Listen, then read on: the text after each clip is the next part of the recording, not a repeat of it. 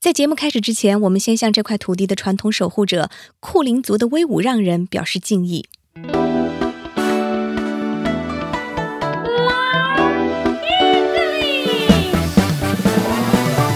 听众朋友，大家好，您正在收听由 SBS 学英语为您倾情打造的真人秀双语英语学习类谈话节目《英文难不难》。我叫 Dory，是 SBS Learn English 的内容制作人，也是《英文难不难》的节目主持人。更重要的一点，我还是一名有着超过十年学龄的英语学习者。我认为啊，在英文学习的道路上，虽然每个人的遭遇都是 so different，但遇到的问题却是 same same。来，让我们一起听听 Vanessa 的故事，看看跟你上不上。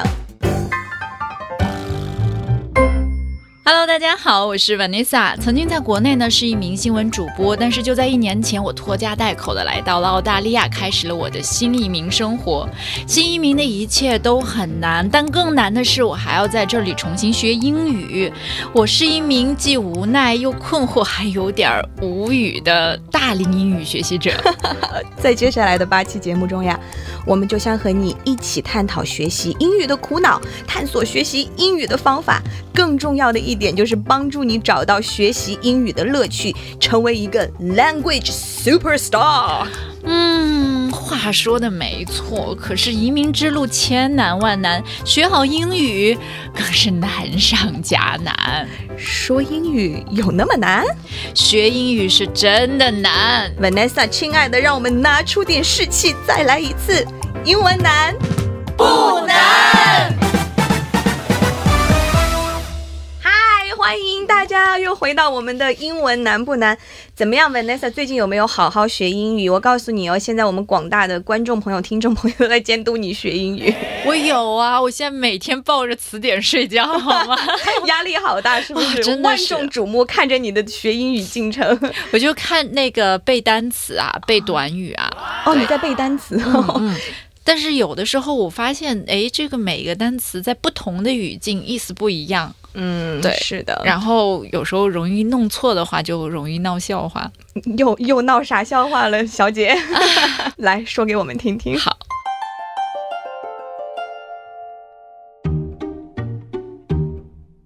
啊，那是来语言学校的第一周吧。我碰到老师，啊、在我们中国的传统思想里，觉得哎，总得谦虚一下，跟老师寒暄几句。领着我儿子过去，我跟老师说，呃，Hi Miss 某某某，is 我儿子 Silly。老师整个惊掉了，他觉得一个妈妈怎么可以当着孩子的面用这个词 silly？我当时意识到，哦，可能我说错什么了。然后他马上说，哦，Jay is not silly, he's very clever。又哦是一个大笑话。没关系，不用紧张，因为我懂中文。你想要问的是我儿子调皮吗？ 啊！我小时候每一次我爸妈见老师，问的第一句话就是他调不调皮。对对对对，就大概就这意思，就跟老师搭句话，总得寒暄一下吧。今天的节目当中，我们就一起来好好的盘点一下嗯，那些被澳洲人高频使用，但是你却无法用中文直接翻译出来的词汇和表达方式。今天我们又很高兴的请来了 Ben，先跟大家打个招呼来好了 Ben。好了，Good day，大家好，欢迎大家来到全世界最宜居住的城市——我的老家墨尔本。我是土生土长、原汁原味、地地道道的小明。Good day, everyone. My name is Ben. I am born and raised in Australia, and I'm extremely excited to be here to give some clever and useful English tips. 谢谢谢谢，Nice to see you again, Ben. Very good to see you too, Vanessa. How have you been? Pretty good. Nice. How are you? I'm super. I'm very good, thank you. I'm very excited for today. Me too. okay, let's do it. 现在已经完全交流无障碍了，你是看吧看，？好自然了。如果不是我在这儿，你们估计可以 small talk。哇，就可以 small talk 三天来三夜来回来回 对来一个小时。对，呃，欢迎小明再次光临谢谢我们的谢节谢目。小明真的是我身边 中文最好的澳洲人。嗯，你是英文、中文都很好，然我是后对中文可能比我英文要好一点。哦，哇 哦开，so 玩笑的 confident！你会觉得有些时候，即使你两种语言都是 native speaker，其实也很难找到直接翻译对应的那种翻译方式吗？当然，只会说英语的澳洲人学习中文最复杂的部分是什么？嗯不是声调，也不是要学会怎么写汉字，嗯，而是这个概念不好翻译。对，因为有一些东西根本不好翻译。然后你如果你是翻译家，你可能先需要听完一整句，对才可。以比较好的翻译成英文，或者比较好的翻译成中文啊了。对，而且这个回到了文内萨，你刚刚嗯讲的，就是、其实我觉得我们都有这种经历。以前在对大学考四六级，在中国我们会完成这个考试，那个时候我们好像觉得背字典是一个非常通用的学习方法。我不知道现在还有没有，反正我也是这么背过来。你会发现，就是其实那个单词放在那儿，它的意思，然后到你现实生活中用。是完全不，就像他完全刚刚不一讲的，样因为对 silly 它可能在字典上的解释就是调皮、嗯捣蛋对对，有点傻傻的就是嗯意思。我觉得就 “silly” 这个词，在不同的嗯情况下，就会有有一点点不同的意思。这个老师可能听成就 “silly” 是智商不高，对吧？或者他就学东西学的比较慢。嗯，哦嗯，silly 在其他的场所下可能不一样。 OK，我自己觉得听完之后，觉得可能一个比较合适的词可能是 naughty 哦或者 cheeky， cheeky，对啊，cheeky 就 cheeky 有比较点调皮，对嗯啊，就 is he cheeky？就 cheeky 不一定代表他不聪明，或者他不认真学习，但是他有点调皮。 啊 And the teacher might have thought, no, he's not cheeky, or he's a little cheeky, but Mm. he studies very hard. 在澳洲会经常听到别人使用 “Hey, she's cheeky”，哦对对好像有时候有一点褒义，就觉得哎，好调皮，古灵精怪的这个意思。哦有一点点，就我已经 cheeky 有很多不同的意思，但是在这种情绪下好用。嗯就 cheeky 也可能是呃一对亲人，就他比较 cheeky 是另外一个意思。呃，嗯比如说成就年人的那个呃例子成年人的之间的交流就比较呃成年人的调皮哦，啊，就但是不是不好，只是调皮的 意思。调皮的意思。嗯好的好好，皮啊，那我们今天说了，要小明在这里，我们想要来一起盘点一下 那些我们经常会听到身边人说起，但是却真的不知道该怎么用，然后没有办法找到一个直接对应的中文翻译方式的一些表达。第一个，no worries，no stress，no drama。我一听就觉得哇，特别接地气，接地气 No worries, no drama，没关系或者没事儿。啊，但是你可以在很多不同的情况下都用，就比方说我迟到了嗯，No worries，碰到一个人了，不啊、i m really sorry，哦、s o r r y n o worries，嗯，或者 Can you help me 啊、lift this？Yeah，no worries，no drama，意思是什么？就没事儿。而且我觉得有时候你在跟别人说谢谢，thank you，no worries。 Yeah, that's 也会 right 说 too as well. 是 It's another way of replying to thank you，就我很乐意帮忙，那 no worries 和 that's alright 是同一个意思吗？意思一样。意思一样 That's all right. 我们在书本上好像以前学到是 not at all，但是我从来没有听 Not at all. No，对你可以这么说。Thank you for helping me. Not at all. not at all。哦，但这个我我感觉还是比较比较正式。对比较正式。嗯，第二个高频词汇，grab。哇，这个词非常非常的接地气，非常 Australian English。Australian English，喜欢我的口音吗？ 喜欢。啊、这个 grab 呢，它首先它是一个比较轻松的方式说、to get or 嗯 to 啊 have。比方说，Do you want to grab a coffee with me？、哦，嗯这个 do 是 you want- 非常非常接地气的，问别人要不要一起喝咖啡。 Do you want to grab a coffee with me？哇，我你是澳洲人吗？也可以说、Do you want to grab a bite to eat？ grab a bite eat。这个也很接 Bite 地气。 eight，我 Bite to eat。Or do you want to go grab a bite? grab a bite。 A bite. a Bite. bite 是咬的意思对啊， ，grab a bite 可能就是去吃点东西。对，Ah. 对，grab a bite， 太有画面感了。嗯，grab a bite to Ah. eat。我 check 一下 grab 在字典上是什么意思啊？在字典上这个解解释是截取、霸占、将什么什么深深吸引或者是夺取的意思，但是在现实生活中完全不是这个意思。嗯然后还有就是我的朋友跟我说是 let's grab a taxi。 Yeah, grab a taxi, grab a lift. Basically, Grab we a can Uber. we can use grab for everything. 哦，那对于没有男朋友的女生来 说，能不能许愿说 I want to grab a boyfriend？ grabs，还这种情况下，我们 我你看觉得小明老师的脸，我在认真思想乌乌。鸦从头顶飞过。 我觉得可以说，就如果你在跟人聊天，然嗯后你要请你的男朋友或者你的什么朋友过来加入你们的这个对话。 Grab a- Yeah, my do you want me to boyfriend here. Do you want me to grab my friend？ 哦，这可个以是这么说，可以的。哦嗯 OK，这个在这种情况下是请他过来。呃哦，请他过来的意思。那真的有太多用法了，grab、嗯万就这能个词词汇。下一 个也是 Vanessa 有经常问到我的，就是也是我经常听身边朋友说的、k i n d of。Sort of，你看，像我有时候我跟我的哦女儿聊天，哎、你这个 party how's your party？Kind 嗯 of，嗯，我理解就是，嗯，还还行行一吧，般般。对对对对，也是对要看他语是嗯境的。对，但是没有完全对。我觉得是这个意思。就比方说，Do you feel happy today? Kind of, kind of 是这个正确的说法，但是我们会把它简称 kind of。 Kinda 嗯啊 Kinda kinda Um, do you like playing tennis? Kind of. Are you 对 hungry? Kind of. 就是还可以，还还行可吧以，。还行哦，对，还行。Kind of 只是程度，它强调的是程度。所以，比方说，Um, 哦 was the party good? Kind of. OK，哦啊 Um, uh, are you happy? Kinda. Uh, did you win the tournament?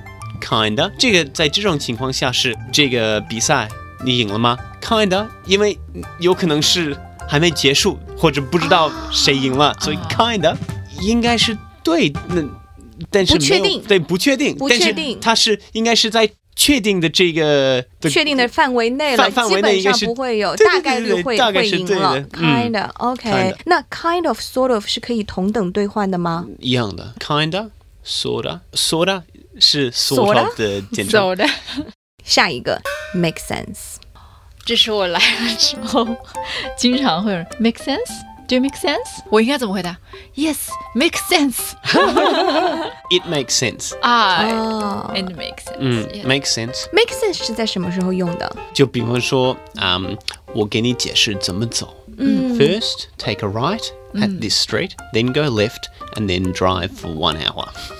哇哦 Make sense? ，That doesn't make sense at all。 那我能不能问？呃，我能不能回答 gotcha？ Yeah, 可以，gotcha.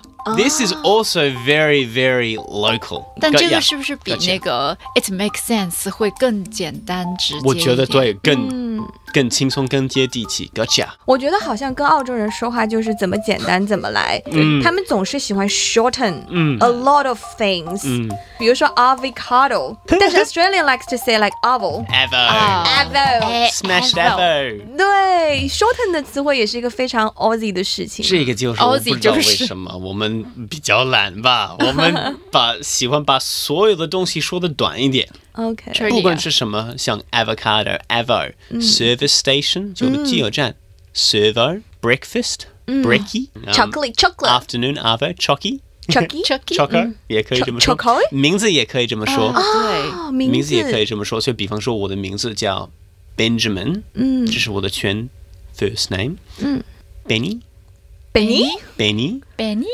Benner 这两个都行，哦或者比方说 Victoria、Vicky 或 Vicky 嗯者 Kevin 哦 Ke- Ke- Kev。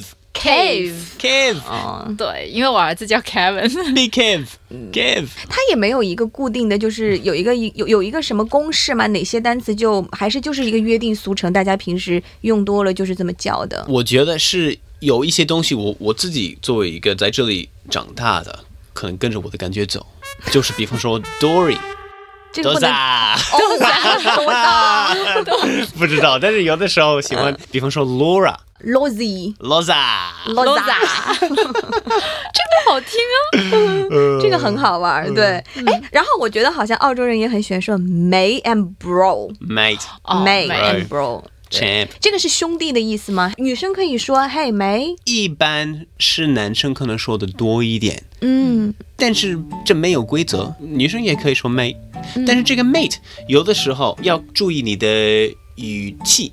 注意语气怎么说因，为 mate 有的时候可以比较凶。哎 mate, what are you doing？这就是表达生气的意这思啊跟中文一了，样，哎兄弟，你干嘛啊对吧？嗯， ？Good day, mate. How are you? 这是很友好哦的。 ，Do you want some help, mate？所以 mate 是非常常见，就当你不知道他名字或者不知道该嗯喊他什么嗯就可以用 mate。那 bro 也是这样的吗？随也时也都可以是用，。但是 bro，我感觉是年轻人用的多一点。就是我有朋友，女朋友也是刚刚来这边澳洲，你知道吗？然后她也是在学英语，她有时候给我发微信，她就会 dear，哦， 哎，这个对我发现很多中国人喜欢用 d， OK 就是 d blah blah d，我只会在写正式的邮件才会用，就 d Peter。I invite you to participate in this meeting，blah blah blah。但是 d 一般澳洲人不怎么用，除非是我奶奶就 Could you pass the coffee, dear？哦，可能我能理解，大家用 dear 就亲亲爱的啊。亲对对对对对对对对对对，但是好像在这里用的嗯没那么多。我觉得除了刚刚我们盘点的这些词汇，还有一些就是可能因为地域性不同，在英文当中会有不同意思的词汇。 嗯一个比较好玩的就是“房哦， 对了，但这个不仅仅是可能中国人觉得很奇怪。 ”，OK，我的美国朋友也觉得很奇怪，因为送是什么呢？你知道吗？送我知道在在澳美洲，在澳洲是什么？在澳洲应该是呃人字拖 flip flop 的意嗯思，对不对，flip flops 对吧？对拖鞋对不对？对嗯，然后澳洲人听成这个就会觉得，哦，是你穿的这种鞋子，但是在美国截然不同。啊，嗯你在知道美是什么呢？是什么？是钉子裤，对吧？ 哦 所以呢，我第一次跟我美国朋友就跟他说，啊、y e a h c a n I wear thongs today？你想穿什么就可以穿什么 啊！但这个 thong 在澳洲很常见，就你随便可以说。哦但是 thong 有两个不同的意思，可以是钉子裤，也可以是大家穿的这种鞋子。对，嗯，所但是以在美国是钉 flip flops 是拖鞋，然后钉子裤是 thong。啊赶赶赶快小本本记记下下来，来弄跟不美要国造人成说话的尴尬时候不要说这 个，脸都红了。对 Do you want to see my thongs? ，yes yes。 I'm not wearing thongs today. Oh. 哦， 我觉得关于这些就是词汇和短语的用法，非常需要我们平时生活中点滴的积累。但我觉得同时可能也是有一些技巧和学习方法我们需要注意。所以在接下来的环节当中，就让我们一起来聊一聊。诶，如何巧妙地学习这些书本上和现实生活中理解不一样的词汇和用法？好嘞，好。第一个方法就是刚刚我们也聊到了，其实语言是需要语境的。什么东西是语境呢？Vanessa，你怎么理解的？所以我觉得就是背单词对我来说。真正的使用当中不一定是有用的，嗯就是因为它放在不同的环境里，你要表嗯达不同意思的时候，这个词会变身，会变成不一会样变的对对内对容和意义。其实简单来说，就是语语境它是由两个部分组成的，一个是 situation 环境，就是你刚刚提到的；第二个是 tone，就是我们说话的语气。啊，有很多时候，就是同样的单词，可能用不同的语气说出来是不一样的。嗯就好像你说的那个 silly，嗯，在那个环境下，老师听到你这么跟他说，Is he silly？他就吓到了。对，啊嗯所以我的建议是，less is more。